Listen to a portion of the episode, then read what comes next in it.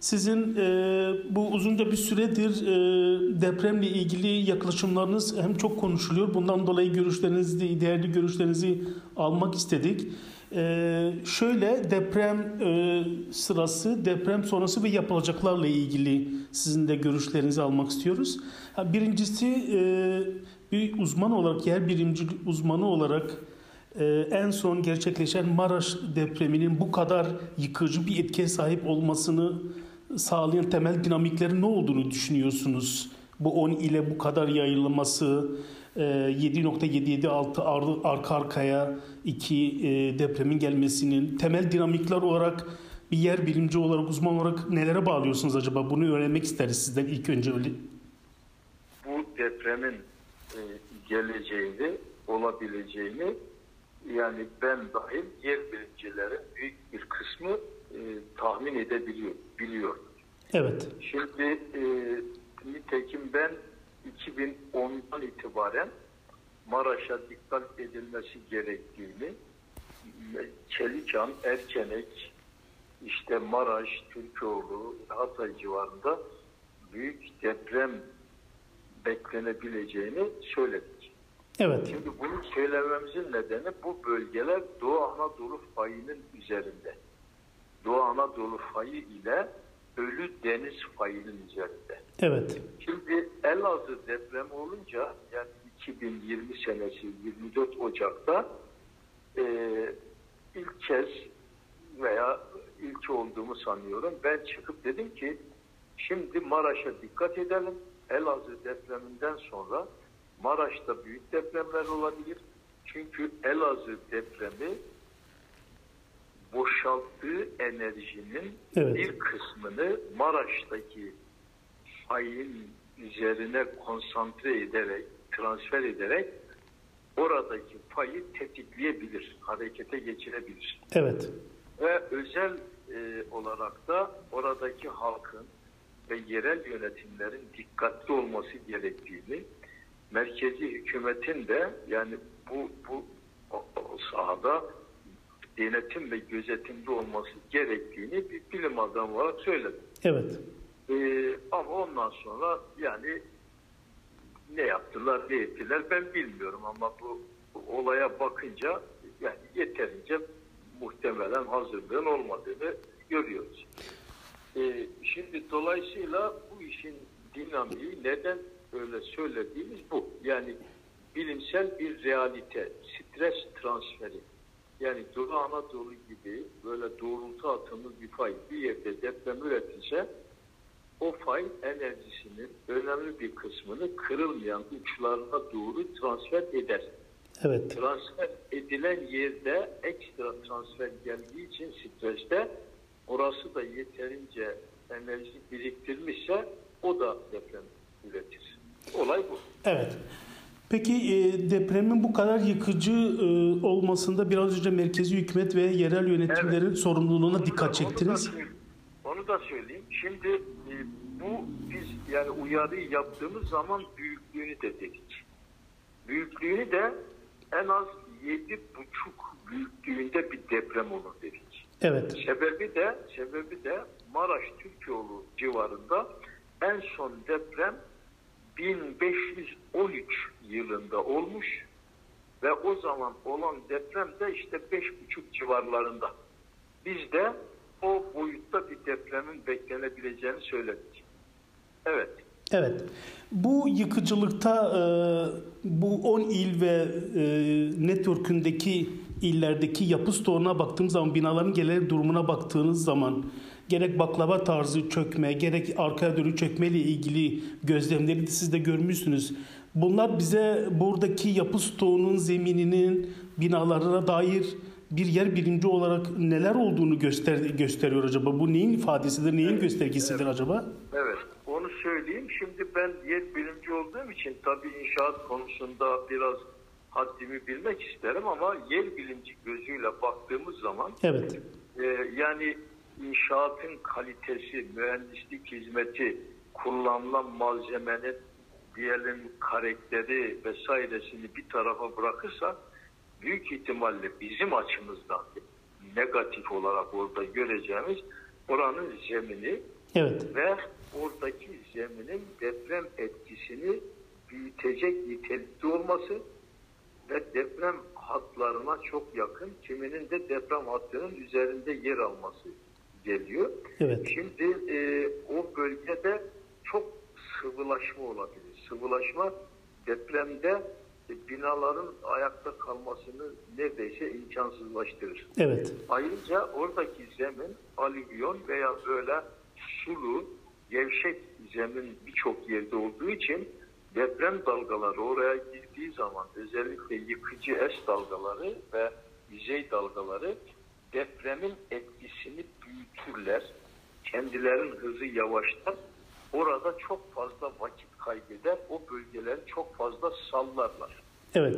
Ayrıca o bölgede e, sismolojik parametrelerden en büyük yer hızı, en büyük yer ivmesi de çok fazla olur. Nitekim burada en büyük yer ivmesi çok fazlaydı. Yani bir, bir, bir buçuğa neredeyse varacak durumda. Tabi binalara çok yatay yük bindirdi.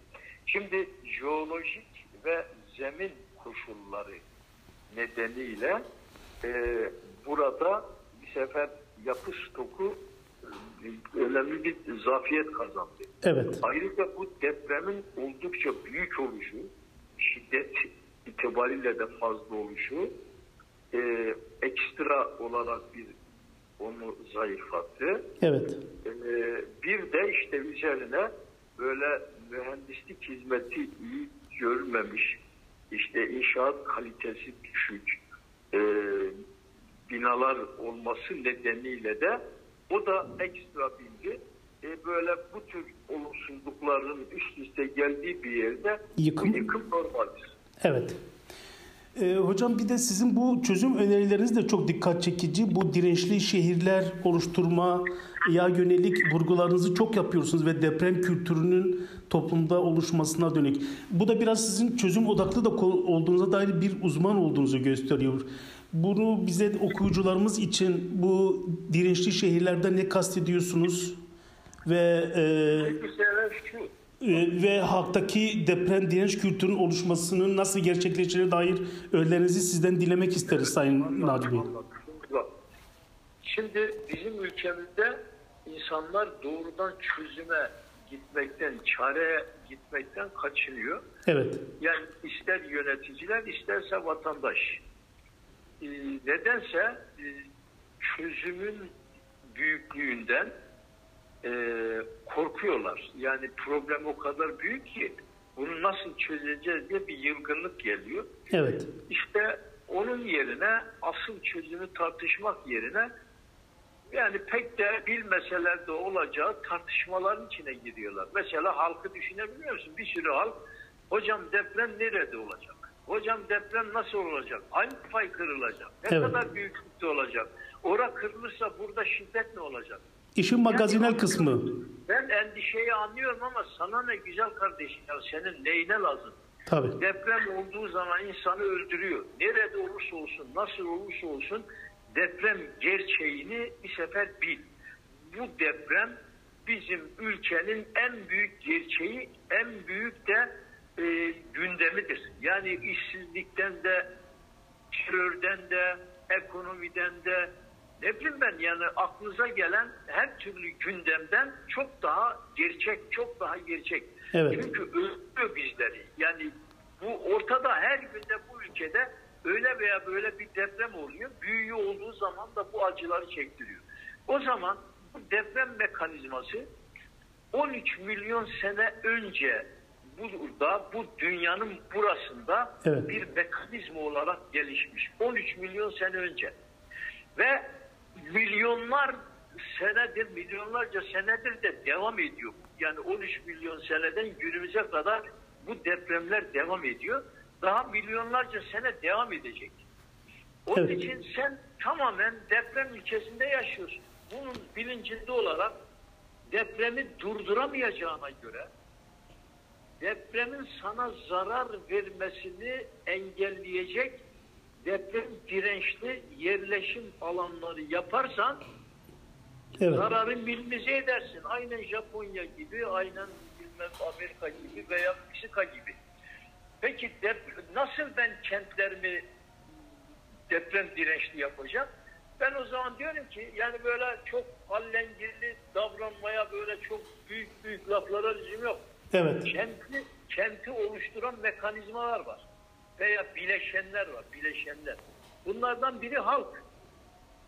Halkı bilinçlendirirsen, bilgilendirirsen, deprem öncesinde, sırasında, sonrasında nasıl davranacağını anlatırsan, Evet. deprem kültürü, deprem ahlakı verirsen, yani böyle depremde zafiyet gösterecek kaçak çek bina yapmazsa, belediyelere gidip böyle yani gayri yasal konularla kendi çıkarına yani yöneticileri zorlamazsa, bilmem şu afları çıkar, iskan aflarını çıkar, imar aflarını çıkarının peşinde olmazsa, Evet. yanlış bir şeyi yapmasa hatta hüküm zorlasa bile yanlış olanı deprem açısından tehlikeli olanı yapmasa halkın kendisi böyle sahip çıksa bu olmayacak. İkincisi altyapı. Şehrin altyapısını inceleyeceksin. Deprem güvenli mi değil mi? Evet. Altyapısı nedir? Yollar, köprüler, viyadükler, tüneller, e, kanalizasyon şebekesi, işte atık su şebekeleri, yok bilmem içme suyu şebekesi, e, yani o, o tür doğalgaz şebekesi, barajlar bunları deprem gelmeden önce zafiyeti olanları düzelteceksin. Yıkılması gerekeni yeniden yapacaksın, onu yapacaksın. Üçüncüsü yapı stoku. Yapı stokunun zayıf, çürük, çarık, kaçak, göçek olduğu yerleri ya yıkacaksın ya düzeltip güçlendireceksin. Yenilerine de asla kanunsuz bir şeye müsaade etmeyeceksin. Vatandaşın da gözünün yaşına bakmayacaksın. Herkes yasalara, yönetmeliklere uyacak. Ondan sonra çevre, kentin bir bileşeni de. Evet. Yani deprem olursa çıkacak molozları nereye gömeceğim, çevreyi nasıl koruyacağım, akarsuları, gölleri, kirlilikten vesaire. Onun araştırmanı yapacaksın. Sonra ekonomi. Ekonomi deprem dirençli yapacaksın. Yani daha deprem gelmeden önce bu çalışmaları yapacaksın. Deprem geldikten sonra da artık yani sen ıı, gerekli önlemleri almışsın. Bırak işi Allah'a. Evet. Yani biz gereken her şeyi yaptık. Yani ve göreceğiz ki de zaten minimum hasarla bu işi atlatmışız. Şimdiki gibi olmaz ya. Evet. Böyle şey olur mu? O zaman siz bu altı bileşenin bir araya gelmesiyle depremin minimize edilebileceğini Bunları düşünüyorsunuz. inceleyeceksin, risklerini tespit edeceksin. Risk analizi biz buna diyoruz. Evet. Ondan sonra deprem gelmeden önce bu bileşenlerin gördüğün riskleri deprem gelmeden önce düzeltmeye çalışacaksın. Minimize etmeye çalışacaksın. Zarar azaltıcı çalışmalar yapacaksın. Evet. Bir de Abi, tamam ben kapatıyorum. e, hocam son soru şu. Bitti daha son soru kaldı mı ya? Bu mikro bu mikrokent bölgelere ayırma, yeni yapılaşma ile ilgili e, merkezi hükümetin önerisi var ya. İşte bu dediğim beş bileşeni yapmak için şehrin mikro bölgelerine çalışmasını yapacaksın. Çok sağ olun. Teşekkürler hocam. İyi günler. Rica ederim. Rica ederim.